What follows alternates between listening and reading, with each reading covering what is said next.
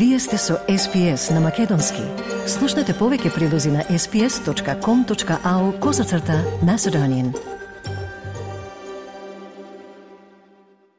Новиот извештај на безбедносната компанија CrowdStrike идентификува зголемен број на сајбер закани насочени кон корпорациите во последните 12 месеци.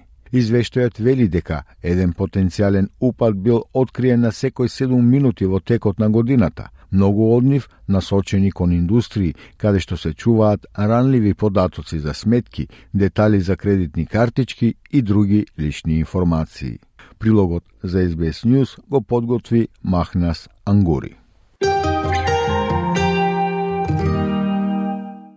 Медибенк, Оптус и Latitude се само дел од компаниите кои станаа жртви на незаконско прибирање на податоци во изминатата година.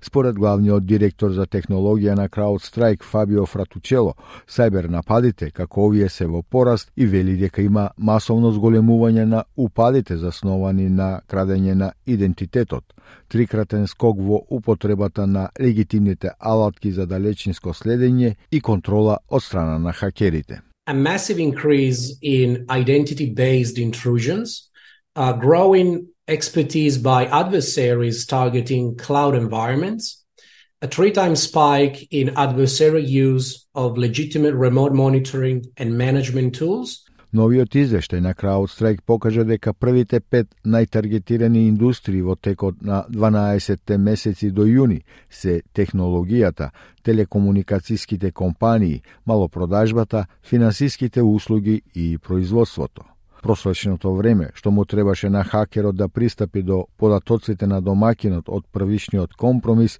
исто така познат како пробив, падна од 84 минути на рекордни 79.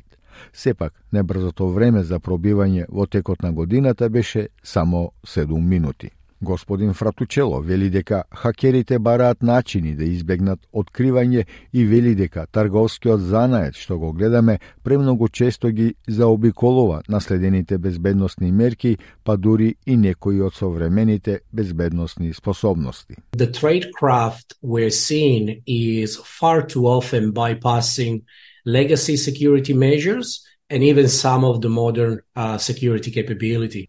Извршниот директор на Small Business Australia, Бил Ленг, вели дека сајбербезбедноста станала главен проблем за нејзините членови и додава дека гледаме значително зголемување на барањата од страна на нивните членови да се преземат контроли и прегледи на сајбербезбедноста за да се осигурат дека тие се максимално заштитени. We're seeing a significant uh, increase in requests from our members to undertake cybersecurity audits and reviews to ensure that they are protected to the maximum.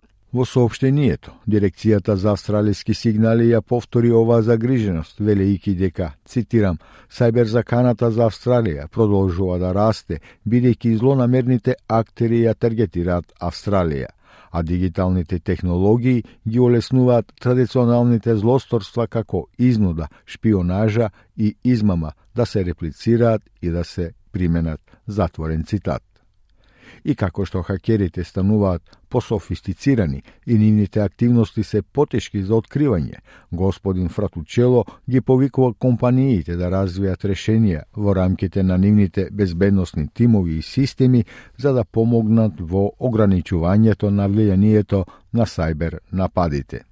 Тој вели дека бизнисите треба да имаат еднаква или супериорна реакција, да се уверат дека имаат вистинската видливост, да се осигурат дека немаат безбедносни празнини, затоа што е невозможно да се заштити ако не знаеш за тоа. Тие ги знаат тактиките, техниките, постапката на противниците, затоа што повторно ќе биде исклучително тешко да се заштитите ако не знаете каква закана доаѓа, вели господинот Фратучело. Businesses need to have an equal or superior reaction um, from a cyber defensive standpoint, making sure they have the right visibility, making sure they don't have security gaps, because it's really, it's actually impossible to protect if you don't know about it. Um, making sure that they know the adversary. Um, they know what the tactics, the techniques, the procedure of the, the adversaries are likely to be. Because again, it's going to be extremely difficult to protect yourself if you don't know what threat is coming.